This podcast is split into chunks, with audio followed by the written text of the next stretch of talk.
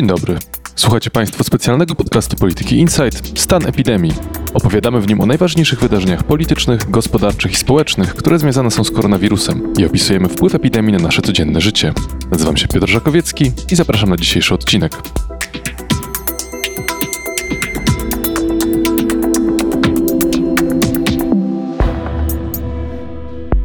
Jest poniedziałek, 26 lipca. Uderzenie czwartej fali w Polsce niewątpliwie nastąpi w ciągu najbliższych miesięcy, a być może wręcz tygodni. A wciąż nie wiemy, w jaki sposób rząd zamierza zarządzać sytuacją. Znamy jedynie ogólnikowe założenia. 1 września dzieci mają zacząć naukę stacjonarną, a kryterium wprowadzenia obostrzeń na poziomie regionalnym może być odsetek zaszczepionych. Sytuacja w innych krajach europejskich dynamicznie się zmienia i trudno powiedzieć, jak przełoży się na sytuację w Polsce.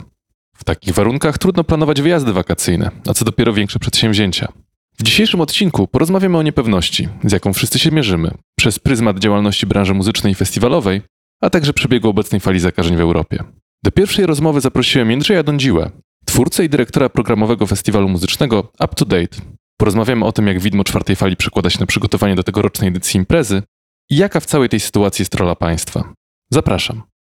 Jędrzej, festiwalu Up to Date myślę, że w gronie szeroko pojętych fanów muzyki elektronicznej, festiwalowiczów przedstawiać nie trzeba, ale z myślą o innych naszych słuchaczach, jeśli mógłbyś powiedzieć dwa słowa na temat tego, czym jest wasza impreza i jak długo jesteście w obiegu. Festiwal Up to Date istnieje od 12 lat tym roku 12 edycję organizujemy jak zawsze w Białymstoku, stolicy Podlasia. Tradycyjnie odbywa się to wszystko we wrześniu, aczkolwiek nasze działania rozciągają się na cały rok, bo też organizujemy wydarzenia w różnych miejscach w Polsce i nie tylko na mniejszą skalę i nasze areały, takie zainteresowania to głównie muzyka elektroniczna, bardziej poszukująca aniżeli masowa. Festiwal jest bardzo kompaktowy i można powiedzieć, że ma atmosferę jednej wielkiej domówki, aczkolwiek kilka tysięcy osób co roku na nim się bawi. Jeśli chodzi o logistykę, bo faktycznie festiwale muzyczne to zazwyczaj kojarzą się jednak z takimi no, wydarzeniami plenerowymi. Różnie to bywa. Nie wiem, krakowski festiwal Ansams na przykład od lat ma wydarzenia też w zamkniętych przestrzeniach. Pytam no, stricte z perspektywy takiej pandemicznej. Jak wygląda, że tak powiem, venue waszego festiwalu? To, co do tej pory robiliśmy, to było jedno duże wydarzenie weekendowe, obudowane takimi wydarzeniami bardziej kameralnymi i naszą taką główną miejscówką działania jest stadion miejski, a dokładnie jego parkingi, które są najbardziej przystające do tego, co my robimy i klimatem, i architekturą, i tak jakby też pod kątem e, funkcjonalności tej przestrzeni. To, co pod kątem pandemicznym tutaj nam dobrze służy, to że większość tych parkingów są to parkingi półotwarte, uznawane przez przepisy jako przestrzeń otwarta, więc tak naprawdę ludzie bawią się mając dach nad głową, ale jednocześnie będąc na przestrzeni na wolnym, świeżym powietrzu. Także to akurat bardzo dobra konfiguracja. W tamtym roku udało nam się w sumie jako jednym z niewielu odpalić festiwal też w takim okienku przed kolejną falą zakażeń, więc to, że mamy tu przestrzeń open air, bardzo nam pozwoliło w zdobywaniu wszelkich pozwoleń i opinii. Są pozostałe wydarzenia, na przykład salony ambientu skupione właśnie na muzyce ambient, które odbywają się na przykład w, w Pałacu Branickich, czyli takim najważniejszym zabytku białostockim, czy w salach teatralnych, kinowych, nawet tego typu filharmonicznych salach, które po prostu są stworzone do przeprowadzania podobnego typu koncertów. Festiwal, jak wspomniałeś, odbył się w zeszłym roku, mimo że pewnie było bardzo dużo trudności i niepewności co do tego, czy uda się, jak wspomniałeś, wstrzelić to okienko jeszcze przed jesienną falą. Jaka była jego skala i jak ona się miała do skali liczby uczestników, którzy uczestniczyli w poprzednich edycjach festiwalu i czego się spodziewacie w tym roku? Dwa lata temu mieliśmy największą edycję festiwalową w tym roku przedcovidowym. Było to dziesięciolecie, taki fajny jubileusz i na festiwalu zgromadziliśmy przez weekend blisko 12 tysięcy osób, w jednym momencie 4-5 tysięcy osób właśnie na stadionie miejskim. Ale edycja 2020 w związku z obostrzeniami i potrzebą po prostu rozrzedzenia tego festiwalu została zupełnie inaczej skonstruowana. My festiwal rozbiliśmy na 6 dni i na różne lokalizacje, przy czym część stadionowa zamiast trwać dwa dni trwała trzy dni. Sceny były ulokowane właśnie w tych parkingach, które są uznane za parkingi otwarte i nie grały jednocześnie, nakładały się na siebie jedynie tam w drobnym zakresie, były uruchamiane stopniowo, ponieważ festiwal też był streamowany, chcieliśmy, żeby zachować taką ciągłość występów i publiczność się nie mieszała. Wejścia, wyjścia na strefy pod scenami były tak jakby oddzielnymi drogami komunikacyjnymi przeliczniki wszelkie z rozporządzeń były zachowane, więc musieliśmy wygradzać hektary terenu. To jest nieco idiotyczne, ponieważ nikt tak naprawdę nie stosuje się do tych nakazów, żeby my jako organizatorzy musieliśmy się dostosować, inaczej służby nam tego nie przypuściły, no ale publiczności się nie da upilnować w jednym punkcie, żeby stała sobie i każdy z metrówką nie będzie chodził, odliczał, czy jest półtora metra od drugiej osoby, czy nie. Ale co było naprawdę wspaniałym zwieńczeniem tych naszych starań, to się udało naszą publiczność zarazić taką ideą, że jesteśmy odpowiedzialni, że oni są współodpowiedzialni za kształt tego festiwalu i za jego powodzenie. I naprawdę powiem szczerze, że przypadki osób, które nie chciały nosić maseczki, które jej nie zakładały, to były przypadki naprawdę jednostkowe. I ten nasz reżim sanitarny istniał faktycznie. Ochrona nie musiała ludzi ganiać i prosić o to, żeby je zakładali, tylko ewentualnie, żeby naciągnęli na nos.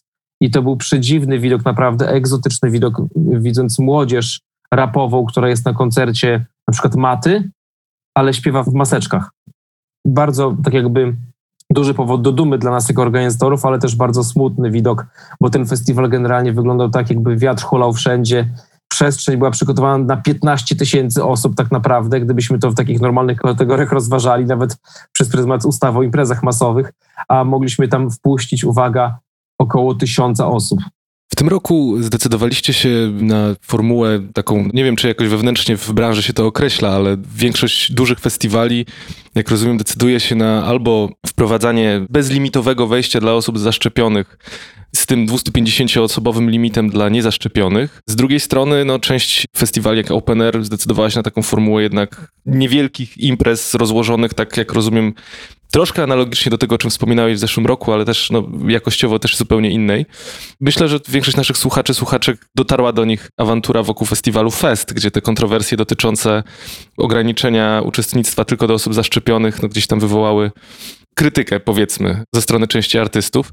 Jak rozumiem, z waszej strony macie bardzo chyba też taki jednoznaczny przekaz proszczepionkowy. Polecam wszystkim Państwu zajrzenie w media społecznościowe festiwalu Up to Date, gdzie bardzo dobry, moim zdaniem, klip promocyjny dotyczący szczepień można zobaczyć. Jak to się wpisuje w Wasze podejście i tą właśnie konwencję, o której mówiłeś, no, takiego trochę powiedzieć, że rodzinnego to może trochę za dużo, ale no, macie wierne grono uczestników, którzy przyjeżdżają na festiwal od wielu lat i w związku z tym być może pewne właśnie tutaj te ograniczenia jest łatwiej egzekwować i z perspektywy również tych szczepień sytuacja jest być może łatwiejsza w waszym przypadku niż w przypadku innych festiwali taki podobny tok myślenia, jak i u nas, bo nasza publiczność jest dosyć mocno określoną publicznością. Stosunkowo niewiele jest publiczności przypadkowej, nie jest to publiczność, która przyjeżdża na dane nazwiska, ona przyjeżdża na festiwal i jego styl programowania i jego po prostu klimat. Nie wiem, nigdy nie badaliśmy tego, ale to jest wyczuwalne, że to jest podoba publiczność i ona się wzmacnia w takim swoim określeniu konkretnym. Idąc tym tokiem myślenia, myśleliśmy, co zrobić z tą kwestią właśnie szczepionek, kwestią weryfikacji ludzi na miejscu i tak dalej. I byliśmy przekonani przed produkcją filmu tego, który promuje szczepienia, że nasza publiczność jest jednak mniej podzielona. Widać, że temat szczepionek dzieli nawet tak zwarte społeczności, jak społeczność właśnie tego naszego festiwalu, która jest naprawdę bardzo określona i ma mnóstwo cech wspólnych, tak jakby można powiedzieć, że to jest jedno środowisko, a tu się okazuje, że jednak te podejścia do szczepionek są różne i byliśmy bardzo zdziwieni oskarżeniami przede wszystkim o to, że śpimy z władzą, że to jest jakieś przekupstwo, że bierzemy pieniądze to, żeby propagandę siać.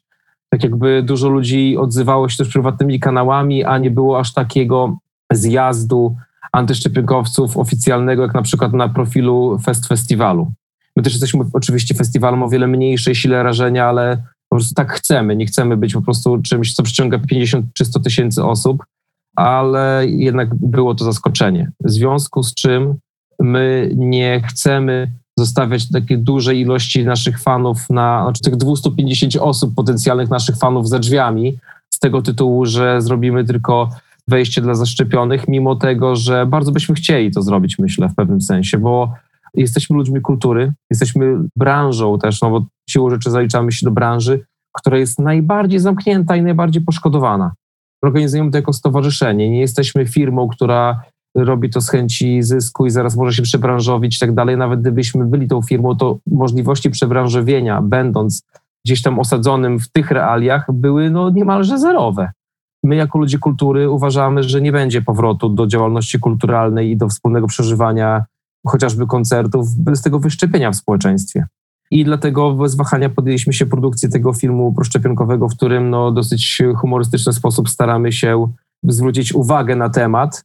No ale okazało się, że wielu osobom brakuje tego dystansu, a festiwal Up to Date niejednokrotnie ostro do rzeczy podchodził, ale nie były to aż tak antagonizujące społeczeństwo tematy jak ten. My na pewno będziemy wpuszczać osoby zaszczepione do tego limitu 250 osób. Jak na razie nie słyszymy krzyku o segregacji sanitarnej, ale myślę, że to jest tylko kwestia czasu. Te nastroje pewnie będą wzbierać. No, trudno powiedzieć, co zdecyduje rząd. Być może w najbliższych tygodniach będziemy mieli jakieś komunikaty dotyczące tego właśnie, jak obostrzenia jesienne mogą wyglądać i to prawdopodobnie może wywołać też trochę szumu, ale do tego myślę, że wrócimy za chwilę. Ja chciałem podpytać o taki trochę szerszy kontekst. W zeszłym tygodniu ogłosiliście pierwszą rundę artystów, którzy wystąpią na festiwalu. Czy to odbyło się później niż zazwyczaj. Powiem szczerze, że już, już nie pamiętam, jak w poprzednich latach to wyglądało, ale czy połowa lipca to jest taki typowy termin, kiedy przedstawiacie line-up? Jakie tutaj są ryzyka? Bo rozumiem, część festiwali w ogóle się nie decydowała w tym roku na zapraszanie artystów ze zagranicy ze względu na to, że mogłyby obostrzenia, jeśli chodzi o podróże, czy szersze w ogóle, uniemożliwić im dotarcie. Jak wy do tego podchodzicie? Poruszyłeś temat bardzo, bardzo trudny, dlatego że wiąże się z ogromną ilością frustracji i pracy wyrzuconej w błoto. I to, co w tym roku się dzieje, to już jest tak jakby następny level trudności, bo w tamtym roku jeszcze wiele rzeczy nie było wiadomo. Nie wiadomo, jak to funkcjonuje i jak to będzie wyglądało. Teraz mniej więcej wiemy, z czym to się je i wiele po prostu organizacji, wiele przepisów, rozporządzeń i tak dalej, no już się zaostrzyło i ludzie dmuchają na zimne bardziej też artyści, też agenci, też możliwości podróży są. No wiadomo, że nie będzie tak różowo. I organizacja festiwalu w takich warunkach oznacza, że tak naprawdę trzeba organizować kilka wersji festiwalu jednocześnie. Trzeba się budżetować na kilka wersji festiwalu jednocześnie. To jest niemożliwe połączyć te koncepcje. W związku z czym każda koncepcja ma jakąś dziurę i w pewnym sensie jesteś w takiej tragicznej sytuacji, że nieważne w którą stronę pójdziemy i tak będzie źle w jakiś tam sposób. W praktyce wygląda to tak, że jeżeli zmieniają się rozporządzenia, a zmieniają się w ten sposób, że są wprowadzane często tydzień przed, to możemy stracić pół line-upu i nic z tym nie zrobimy, bo na przykład nie będą wpuszczani obywatele Wielkiej Brytanii. W ogóle Brexit też na maksa namieszał. W takiej konfiguracji z COVID-em to jest w ogóle strach w oczach artystów, że wielu artystów odmawia, nie chce przez to przychodzić w ogóle. Oni czekają, aż to się skończy i dopiero wtedy będziemy rozmawiać. Niektórzy potwierdzają występy z taką świadomością, że mogą się one wysypać w ostatniej chwili i okej, okay, a niektórzy czekają z potwierdzeniem do ostatniej chwili, bo chcą mieć pewność, że jak już potwierdzą, to przejadą. I to mówię tych artystach z UK, bo to jest duża część naszego line-upu, bo tam jest ta scena muzyki basowej, którą my mocno promujemy, mocno prezentujemy i bardzo mocno wierzymy, więc jest to trudna sytuacja. W tej chwili to stawiamy po prostu w większości na artystów ze strefy Schengen co jest też takie przykre, bo trzeba się ograniczać programowo, nie można tak jakby rozwinąć tych skrzydeł tak, jakby się chciało. My jesteśmy festiwalem niszowym, nie musimy wybierać spośród wielkich gwiazd, ale mogliśmy zawsze wybierać swobodnie spośród zjawisk muzycznych i nie musieliśmy się ograniczać, ponieważ te kwestie budżetowe były trzeciorzędne. A teraz już po prostu musimy się liczyć z takimi ograniczeniami co do podróży i do tego, czy ktoś będzie zaszczepione. Jeżeli będzie zaszczepiony, to musi też być odpowiednio szczepionką zaszczepiony. Niedawno musieliśmy odwołać artystę, który miał przyjechać do naszego klubu w Białymstoku, ale był zaszczepiony chińską szczepionką, więc doszło do nieporozumienia, bo on powiedział, że ma certyfikat szczepień, a my, obywatele Unii Europejskiej, od razu w głowie czytamy to jako europejski certyfikat szczepień, a on ma certyfikat szczepienia chińską szczepionką. W związku z czym mógł wjechać do Polski 24 godziny na podstawie ważnego biletu powrotnego, wystawionego właśnie na ten okres 24 godzin najpóźniej, no ale z racji tego, że był zaangażowany na dwie imprezy, na dwa dni, no to musieliśmy to wszystko odwołać. I to są takie praktyczne po prostu sytuacje, które rozwalają dużą ilość pracy. I to są wszystko czynniki, tak jak myślę o tym, bo rozmawialiśmy teraz o artystach zagranicznych, międzynarodowych, więc ta międzynarodowa logistyka to jest coś, nad czym raczej kontroli za dużej nie mamy. No co ma być, to będzie i jak wiadomo, sytuacja jest dynamiczna, niestety. Z perspektywy naszych krajowych przepisów i tego, w jaki sposób e, regulowana jest organizacja imprez masowych w tych warunkach pandemicznych, wspomniałeś co nieco na temat tego krótkiego wyprzedzenia, z jakim są publikowane zmiany w przepisach, no to też jakby coś, co dotyczy właściwie każdej branży. Co was jako organizatorów obecnej sytuacji najbardziej wkurza z tej perspektywy i gdzie ewentualnie widziałbyś pole do działania, może nie wiem, lepszej komunikacji? Rozumiem, że były podejmowane próby dialogu z przedstawicielami rządu takiego branżowego na przestrzeni ostatnich miesięcy, ale jak w ogóle to oceniasz? No, otworzyłeś puszkę Pandory teraz, bo nie wiem od czego zacząć. I my nie należymy do organizacji, które by tam strasznie torpedowały rząd, tylko pokornie się dostosowują do tego, co jest narzucane, co jest ogłaszane. Ale zaczęliśmy na tyle mieć już skomplikowane życie z powodu tego, że dostrzegamy, że to już nie jest kwestia tego COVID-a i tej obiektywnej rzeczywistości, w której żyjemy, ale też najbardziej irytuje, dołuje i szkodzi takie niezdecydowanie rządu i takie lawirowanie do ostatniej chwili kalkulowanie, co się bardziej opłaca. Może chodzić o kwestie polityczne, aczkolwiek ja nie, nie na to dowolę. To jest o, chyba odczytywalne, że tutaj jest takie właśnie w tej chwili na przykład no, myślenie o tym, co będzie z tą czwartą falą i rząd milczy. Tylko ciągle mówią, że pracują, a tymczasem tu są zaangażowane tak jakby nasze życia po prostu są na szali. To nie jest tak, że my możemy sobie łatwo odbić, czy te narzędzia, które rząd oferuje, organizacjom takim jak nasza załatwiają sprawę. Odwołując na festiwal na nowym rozporządzeniu robiącym lockdown na tydzień przed czy na dwa tygodnie przed, bo jeszcze dodatkowo mamy festiwal na początku miesiąca, więc zakładam, że może z początkiem miesiąca wejdą nowe przepisy, oznacza to, że my nie mamy absolutnie najmniejszych szans się do nich dostosować, przeprojektować festiwalu, oznacza to, że tracimy sponsorów, oznacza to, że tracimy pieniądze z biletów, oznacza to, że tak naprawdę nasza organizacja może się pakować. I jestem przekonany, że rząd w ogóle nie myśli o takich rozwiązaniach, jak na przykład są proponowane w Holandii, gdzie festiwale muzyczne zostały potraktowane oddzielnie jako sektor i miały gwarancję tego, że jeżeli rząd zmieni przepisy uniemożliwiające kontynuację organizacji festiwalu, to że będzie pomagał tym inicjatywom. U nas tego nie ma. Dlatego być może, że branża jest niereprezentowana, ale powiem szczerze, że po tych wszystkich relacjach, które mam od ludzi z branży, z rozmów z rządem, nie sądzę nawet, że ciśnięcie i, i jakieś organizowanie się w większy sposób będzie miało sens, ponieważ o wiele większe grupy zawodowe, o wiele większe sektory tam swojego nie wywalczyły tak naprawdę. My skorzystaliśmy z Funduszu Wsparcia Kultury w tamtym roku, który jest tak skonstruowany, że tak naprawdę nie wiem, czy 15% strat nam pokrył. Po czym po tej całej aferze była ta sytuacja, że była ponowna weryfikacja wniosków, i nic stąd znowu nam też zostało obcięte pieniądze, nie wiadomo dlaczego, mimo tego, że my nawet nie wierząc w to, że rząd wypłaci połowę tych strat, które się deklaruje, nie aplikowaliśmy o połowę, my aplikowaliśmy o część tylko, przy czym jeszcze się zdeklarowaliśmy, że zrobimy jakieś działania za te pieniądze, a i tak nam obcięto. Nie mieliśmy możliwości tak jakby regeneracji po roku 2020 i tych lockdownach. Przed rok 2021 ani widu, ani słychu żadnych rozwiązań, tylko rząd otworzył tą branżę na wakacje i tak jakby udaje, że wszystko wróci do normy, a nie wróci, bo idzie czwarta fala, wszyscy są przestraszeni. I teraz pytanie, jak długo organizatorzy będą spijać hejt ludzi i będą na pierwszym froncie po prostu krytyki za rozwiązania, które wprowadził rząd, bo rząd, mam wrażenie, myślę, że to jest bardzo bliska prawdzie diagnoza, zrzucił na organizatorów po prostu imprez odpowiedzialność za przekonywanie młodych ludzi do szczepienia. Tak jakby młodzi ludzie teraz nie będą mogli korzystać z imprez w pełni, korzystać z kultury w pełni, dlatego że się nie szczepią i rząd po prostu cicho siedzi, a organizatorzy sobie radźcie z tym. Przy czym nie ma żadnych sensownych kampanii. Wszystkie kampanie, które są robione, to mają tak naprawdę skutek odwrotny. I to jest w tej chwili dla nas najbardziej męczące, bo nie dość, że nie mamy możliwości normalnej pracy i kontynuacji tego, na co pracowaliśmy wiele lat, to jeszcze tracimy to, co zbudowaliśmy w, w ludziach wcześniej, bo jesteśmy krytykowani za to, co robimy, a my tylko po prostu podążamy za przepisami. Sumowaliśmy ten wątek dotyczący nie najlepszych relacji, że tak powiem, z rządem, czy braku tej komunikacji, co jest problemem. Wcześniej rozmawialiśmy też o tym, no, że jednak z drugiej strony wasza publiczność jest nieco bardziej wdzięczna i responsywna i pod tym kątem to jakby jest dla was in plus. Gdzieś tam jeszcze chciałem zadać takie trochę pytanie od strony takiej logistyczno-organizacyjnej, jakby on the spot. Jak wiesz, jeśli chodzi o organizację sprawdzania tych certyfikatów szczepionkowych, nowego reżimu sanitarnego w tym roku? To jest koszmar. Może zacznę od tego, że w tym momencie na negatywnym teście covidowym możemy zalecieć na drugi koniec świata ale na festiwal w Polsce nie wejdziesz, no nie na koncert, jeżeli nie jesteś zaszczepiony. nie są honorowane ustalenia, które są przy paszporcie covidowym europejskim.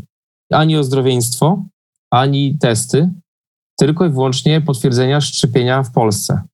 I w związku z tym my na przykład napisaliśmy pismo do kancelarii premiera z prośbą o nowelizację tych przepisów i dostosowanie ich do tych wymogów paszportu, bo to by o wiele bardziej ułatwiło i tak naprawdę sprawiło, że te imprezy byłyby bezpieczniejsze, bo spodziewamy się dużego zamieszania na, na sam koniec, bo w tej chwili jest jeszcze właśnie w rozporządzeniu ten kwiatek, który mówi o tym, że jest wymagane oświadczenie. W związku z czym niektóre imprezy robią tak, że wymagają oświadczenia, które można napisać na kolanie. Ja, Jędrzej Dądziło, oświadczam, że się zaszczepiłem, dziękuję, do widzenia i wchodzę. Nikt tego nie weryfikuje w żaden sposób. Więc co to jest za rozporządzenie, które można oszukać i nawet nie ma żadnych sankcji za takie oszustwo i nie wiadomo, kto za to ponosi odpowiedzialność i nie wiadomo, jak to wszystko sprawdzać. To jest przerażające, bo tak naprawdę robisz te wszystkie rozporządzenia i się prowadzi tą politykę i się wprowadza te lockdowny, a potem się daje takie rozwiązania, które teoretycznie mogą dawać rezultat ogromnej eksplozji zakażeń. To jest naprawdę dla mnie niezrozumiałe, bo właśnie to jest skutek tego myślenia do ostatniej chwili, co się najbardziej opłaca. Osobiście po prostu mam nadzieję, że z waszej perspektywy ta organizacja po prostu się powiedzie i żadne nowe obostrzenia tutaj tego nie storpedują, no ale z drugiej strony chyba lecicie bez trzymanki, tak samo zresztą jak my wszyscy. Po prostu nie mamy wyboru. Musimy organizować to. Zaczęliśmy, ustaliliśmy taką wersję festiwalu, która jest tak bardzo też umiarkowana. To jest bardzo mały festiwal, o wiele mniejszy niż przed laty, po to, żeby on był ewentualnie do pewnego przytasowania w ostatnim momencie, ale też nie wierzę w to, że jeżeli wejdą solidne jakieś duże obostrzenia przed festiwalem, to że będziemy w stanie go zorganizować. Po prostu myślę, że będzie trzeba go odwoływać i liczyć się z konsekwencjami, a wtedy pytanie, kto nam pomoże. Pytanie otwarte. Jędrzej, serdecznie dziękuję za rozmowę i trzymam kciuki. Dziękuję bardzo. A jakie wnioski możemy wyciągnąć z tego, co obecnie dzieje się w krajach przechodzących czwartą falę? I czy możliwe są jakiekolwiek bezpośrednie porównania między nimi a Polską? O tym rozmawiam z Rafałem Halikiem, epidemiologiem. Zapraszam. Panie Rafale, skąd się biorą obecne fale zakażeń w krajach Europy Zachodniej? Te wzrosty, które już właściwie parę miesięcy temu zaczęły się w Portugalii, a później w Hiszpanii, były związane pierwotnie z ruchem turystycznym z Wielkiej Brytanii, gdzie to epicentrum wariantu Delta nastąpiło. Ale co z innymi krajami? Jak to się rozlewa po Europie i na jakiej zasadzie? Tutaj jest kilka czynników. Pierwszy czynnik jest taki, że zwiększyła nam się mobilność ogólna rzecz biorąc osób, jaką notujemy. Ogólnie rzecz biorąc doszło do poluzowania obostrzeń w większości krajów europejskich i w większości krajów nie tylko europejskich, ale i też w wielu krajach azjatyckich. Drugi taki czynnik to jest to, że mamy ogólne zmęczenie społeczeństw lockdownami i całą tą sytuacją związaną z obostrzeniami. I na to zmęczenie nakłada się to, że również wiele osób, szczególnie na, obszarach europejskich, zaszczepiło się na koronawirusa, co spowodowało zachowania typu moral hazard. Ja jestem zdziwiony, że o tym się nie mówi, a mianowicie takiej poczucia bezpieczeństwa z powodu tego, że się jest zaszczepionym. I na to wszystko nam się niestety nałożył atak nowego wariantu wirusa Delta, który był już znany o wiele wcześniej z Indii, którego zakaźność jest wielokrotnie nawet wyższa niż tego wariantu tak zwanego alfa, gdzie, gdzie współczynnik produkcji ten podstawowy nawet jest szacowany rzędu nawet R06 ten splot okoliczności bardzo wpłynął na to, że mamy po prostu wzrost zachorowań. Jeszcze taką dodatkową okolicznością niezwiązaną z dwuramkowymi takimi epidemiologicznymi sensu stricte to są wielkie imprezy sportowe, które się obecnie rozpoczęły i które spowodowały duże zainteresowanie ludzi tymi imprezami i przemieszczanie się dodatkowo i uczestniczenie w tych wydarzeniach sportowych patrząc się na epidemiologię koronawirusa, nie możemy myśleć tylko i wyłącznie o środowiskach, gdzie dochodzi do transmisji wirusa, to znaczy, czy ludzie przebywają tylko i wyłącznie w zamkniętych pomieszczeniach na zewnątrz.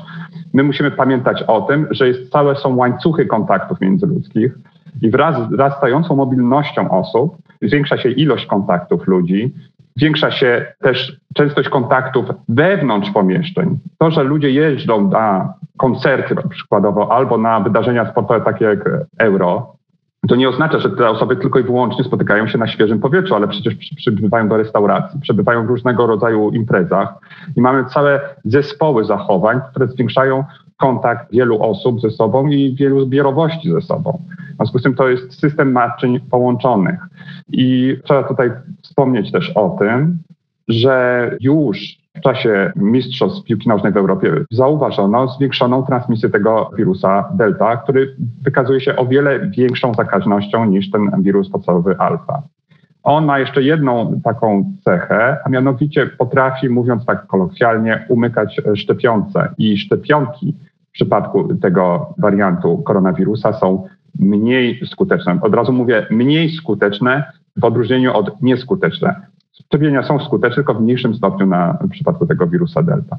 Tak jak Pan wspominał, ten dość niepokojący aspekt rozprzestrzeniania się zakażeń, ta dynamika w każdym kraju wygląda troszkę inaczej i chyba jest też tak, że można ją wiązać z różnymi właśnie takimi konkretnymi zestawami zachowań, o których Pan mówił. A na przykład interesującym dla mnie przykładem jest Holandia, gdzie Wzrost zakażeń w pierwszej połowie lipca był super dynamiczny. Tam też z perspektywy politycznej to była ciekawa sytuacja, gdzie premier przeprosił właściwie po paru dniach od decyzji o odmrażaniu między innymi życia nocnego. Wskazał, że decyzja była błędna, natomiast no już y, mleko się za przeproszeniem wylało.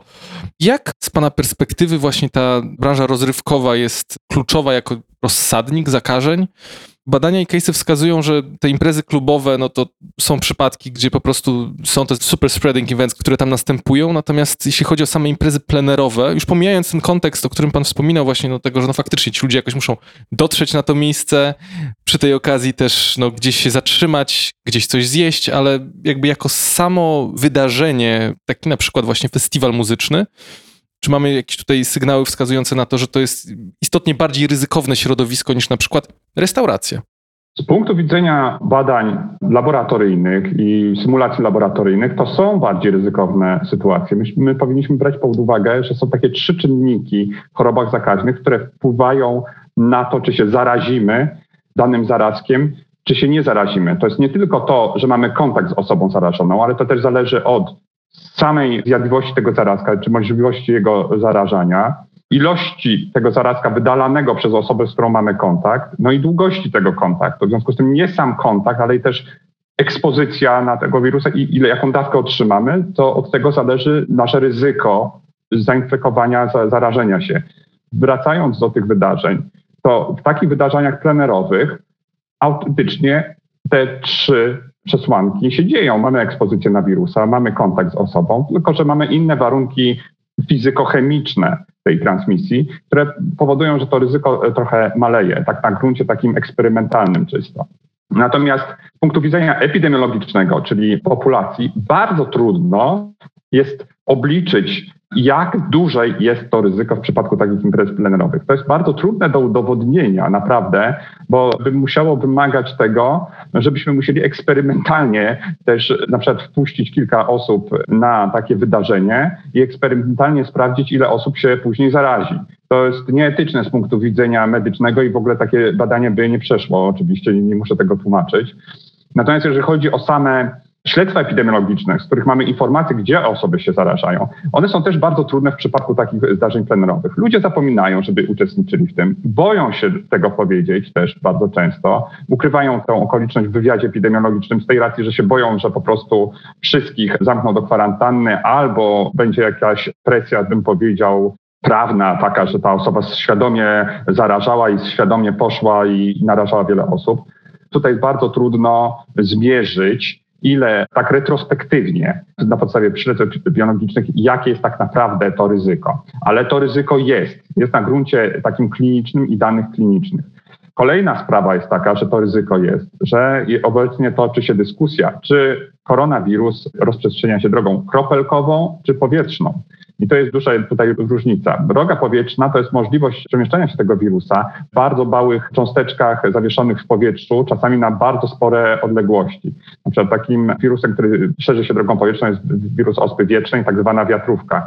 Natomiast wiadomo na podstawie kilku badań kazuistycznych, że były przykłady i przypadki szerzenia się wirusa właśnie drogą powietrzną. Jeżeli ta droga powietrzna istnieje, to znaczy, że ryzyko na otwartych przestrzeniach, tak zwanych na zewnątrz, absolutnie zarażenia się koronawirusem jest. Tylko my nie potrafimy na podstawie śledztw epidemiologicznych stwierdzić naprawdę, jaka jest częstość tego zjawiska. No po prostu jest to trudne bardzo metodycznie. Natomiast w zamkniętych pomieszczeniach, no to jest bardzo łatwe do ustalenia.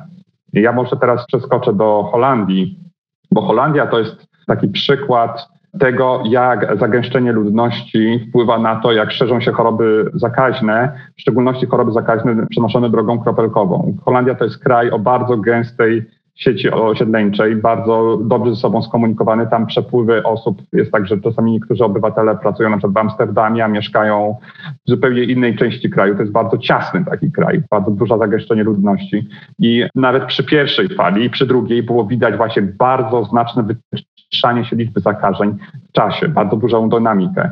Mamy ten wirus Delta, który się charakteryzuje bardzo dużą zakaźnością. W związku z tym należy się nie dziwić, że na terenie Holandii ten proces no, tak bardzo, iż bardzo szybko się wypiętrzył i się tak bardzo nam zaznaczył. Myślę sobie o tym, jak w tym momencie wygląda retoryka rządu. To znaczy, minister Niedzielski niezmiennie powtarza, że prognozy, którymi dysponuje rząd, wskazują na szczyt w okolicach 15 tysięcy zakażeń.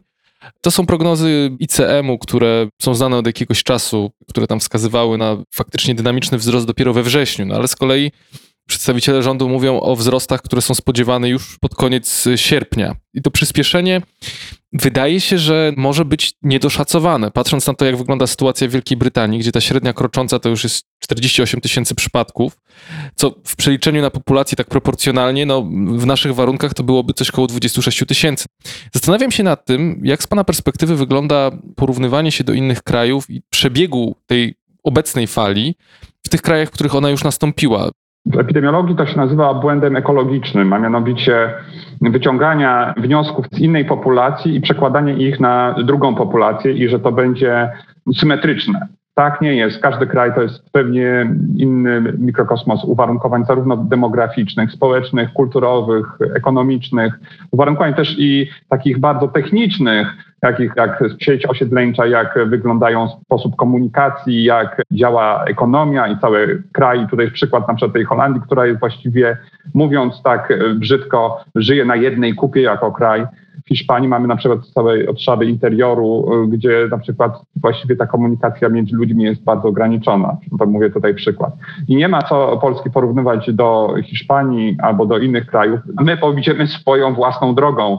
Właśnie i dlatego robimy badania epidemiologiczne, testowanie, śledztwa epidemiologiczne, żebyśmy mogli kilka kroków naprzód zobaczyć, jak ten scenariusz dla Polski się pisze. I on zupełnie będzie inaczej napisany niż dla większości krajów europejskich. Na pewno ten scenariusz będzie dosyć zbliżony do krajów Europy Środkowo-Wschodniej, bo mamy wiele podobnych uwarunkowań, jeżeli chodzi o demografię, o sytuację zdrowotną ludności i o też również pewne uwarunkowania ekonomiczne. Natomiast jeżeli chodzi również o skalę zachorowań, to trzeba wspomnieć również pewną sprawę związaną z samym testowaniem i kryteriami testowania. Polsce obecnie testuje się z powodów właściwie diagnostycznych, żeby stwierdzić na podstawie objawów, czy osoba choruje na COVID, czyli jest zarażona wirusem SARS-CoV-2. W Izraelu, w Wielkiej Brytanii przeprowadzono wiele badań przesiewowych, screeningowych, badano też ogniska i w związku z tym ta skala testowania była o wiele szersza niż w Polsce. W związku z tym, biorąc pod uwagę to, że szczepienia będą działały i że będą one wpływały na to, że liczba tych przypadków zaostrzonych, gdzie mamy poważne objawy z COVID-19, będzie o wiele niższa, to może się tak okazać, że tych przypadków w Polsce, a znowu takiego lawinowego napływu nie będzie, ponieważ no, będą tylko się zgłaszały te osoby, które będą chciały się przetestować z powodu wyraźnie występujących objawów tej infekcji. Wiele osób przecież, które są e, testowane w, w Izraelu i Wielkiej Brytanii, to są osoby nawet i bezobjawowe albo skąpoobjawowe, które po prostu z powodów badań przesiewowych albo przesiewu, albo dochodzeń w ogniskach po prostu musiały się poddać temu testowi.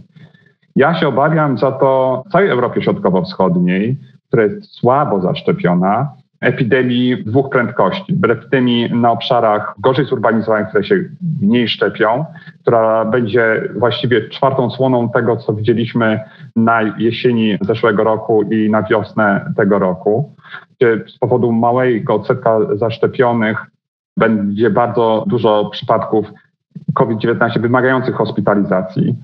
Kolejną taką okolicznością jest to, że na tych obszarach również sytuacja zdrowotna ludności nie jest najlepsza. W związku z tym mamy więcej czynników ryzyka do, do rozwoju powikłanego COVID-19 i obawiam się takiej sytuacji w innych krajach Europy Środkowo-Wschodniej, w Rumunii, Bułgarii i na Węgrzech, gdzie właśnie ten problem niskiego odsetka zaszczepionych jest też zaznaczony, szczególnie na obszarach właśnie tak zwanego interioru.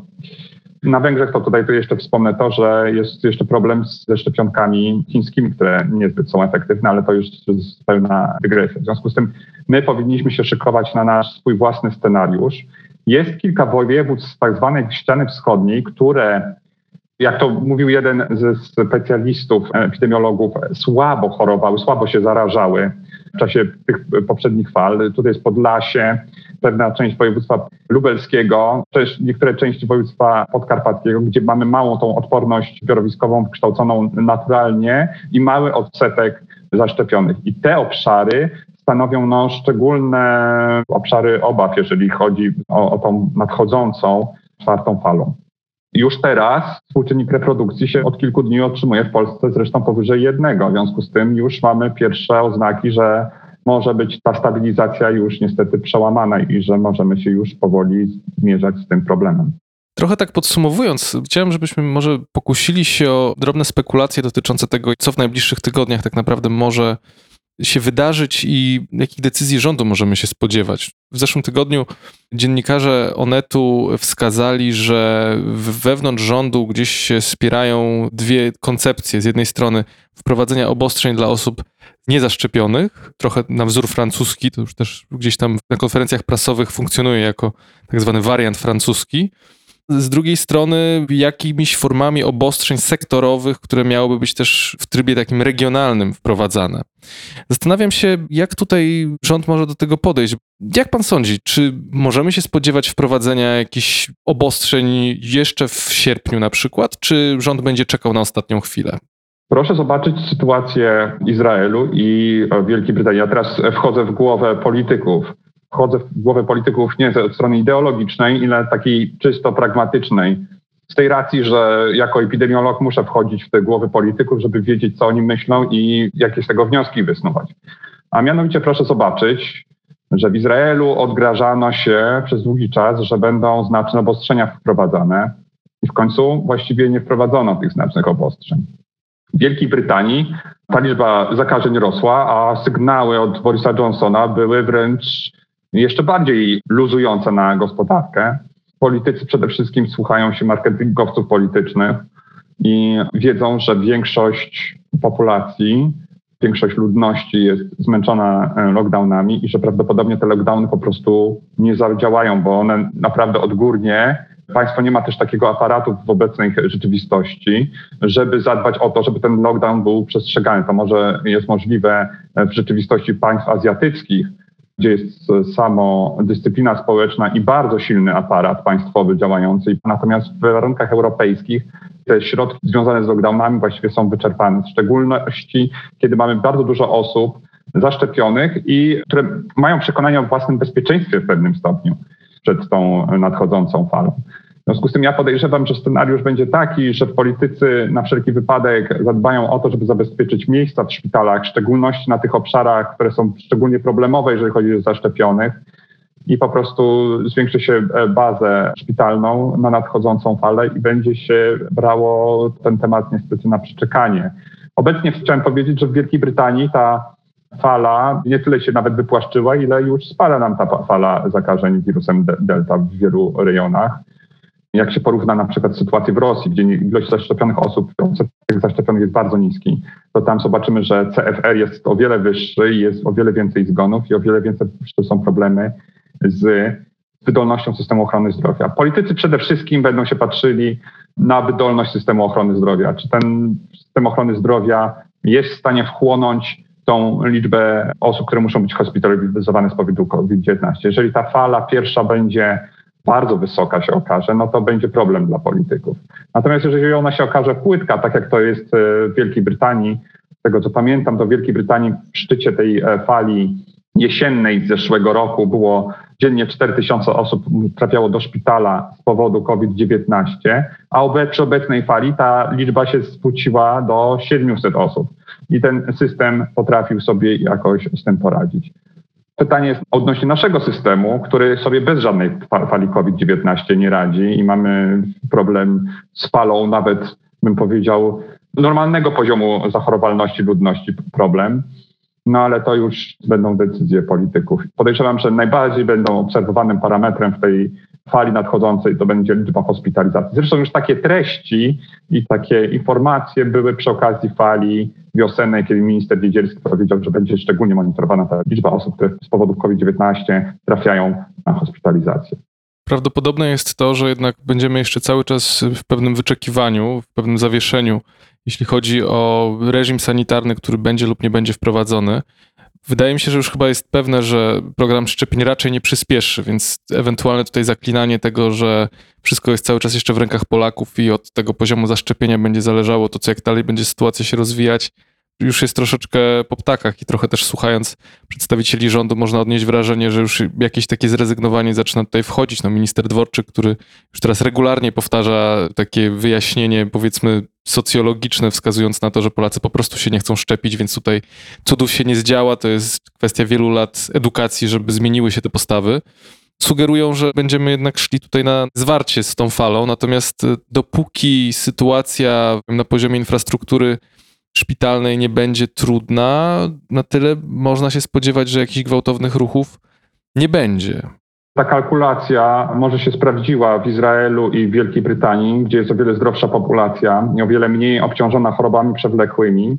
Natomiast ta kalkulacja w warunkach Europy Środkowo-Wschodniej wcale nie musi zadziałać, ponieważ my mamy o wiele bardziej obciążoną chorobami przewlekłymi populację i wcale nie musi się to później przełożyć znowu na płytszy napływ tych pacjentów z COVID-19 do szpitali, zwłaszcza, że sama infrastruktura i same zasoby systemu ochrony zdrowia też są uszczuplone w porównaniu do Izraela, czy do Wielkiej Brytanii, czy do Francji, czy do Holandii, no to nie ma porównań.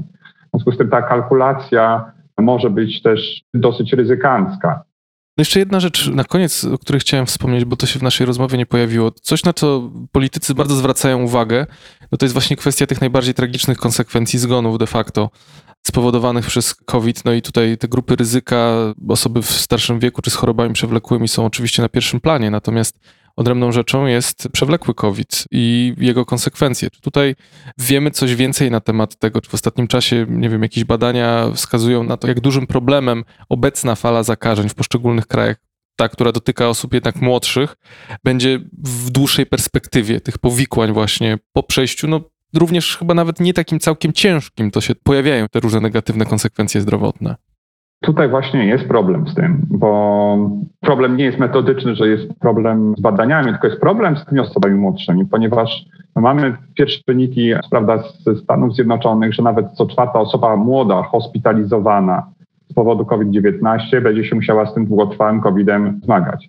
Co oznacza w przyszłości COVID-19 dla zdrowia ludzkiego, tego jeszcze nie możemy przewidzieć i na pewno będziemy to widzieli dopiero za kilkanaście lat, tak prawdę powiedziawszy, śledząc kohorty pacjentów, które przeszły COVID-19.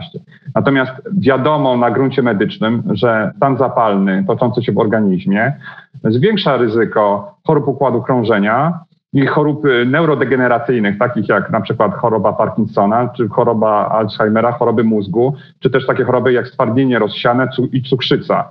I w przypadku przewlekłego stanu zapalnego w organizmie wiadomo, że istnieje takie ryzyko rozwinięcia się tych chorób i jest ono znacznie zwiększone.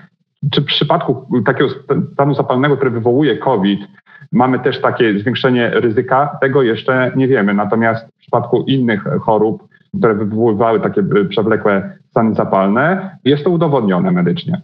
Tak jak już powiedziałem, to czwarta osoba młodsza, która musiała odbywać hospitalizację z powodu COVID-19, no ma ten przewlekły COVID.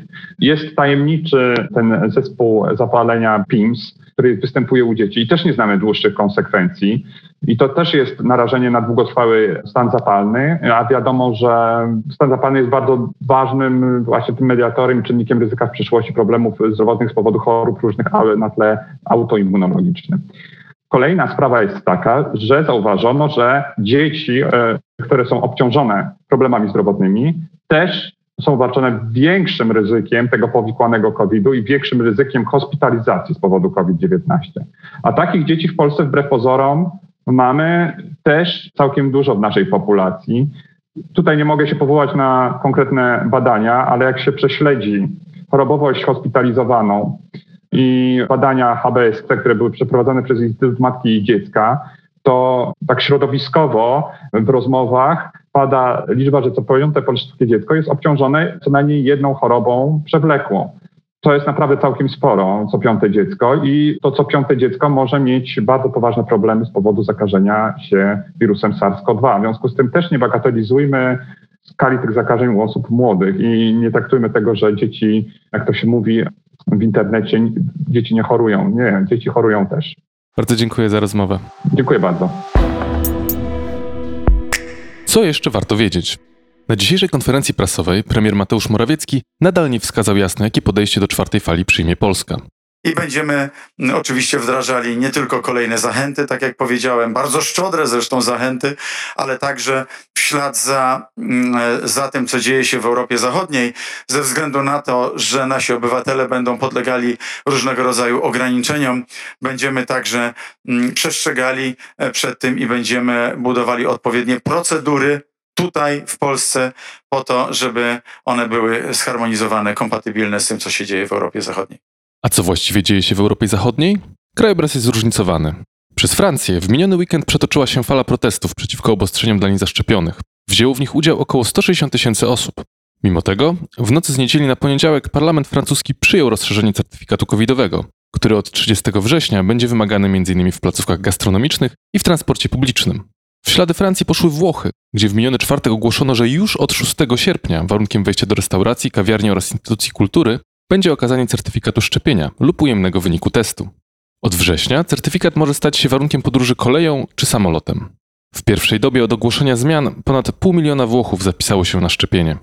Z kolei wczoraj Helge Braun, główny doradca kanclerz Angeli Merkel, powiedział, że już niedługo w Niemczech osoby niezaszczepione mogą nie być wpuszczane do restauracji, barów, kin i na stadiony. Sama Merkel w czwartkowym przemówieniu nie wykluczała ponownego wprowadzenia restrykcji w obliczu czwartej fali. Nie wyjaśniła jednak, jakie miałyby one być. Osoby niezaszczepione lub nieposiadające ważnego testu już teraz nie zostaną obsłużone wewnątrz restauracji, kawiarni czy barów Austrii, Danii, Grecji, Irlandii oraz hiszpańskiej Galicji na Teneryfie. Czy oznacza to, że Polska planuje podobne rozwiązania? Morawiecki wskazał, że, i tu cytat, dalej idące kroki, cokolwiek miałoby to znaczyć, nie są wykluczone. Dziś wieczorem Rada Medyczna przy premierze zajmie się propozycją obowiązkowych szczepień dla osób pracujących w ochronie zdrowia.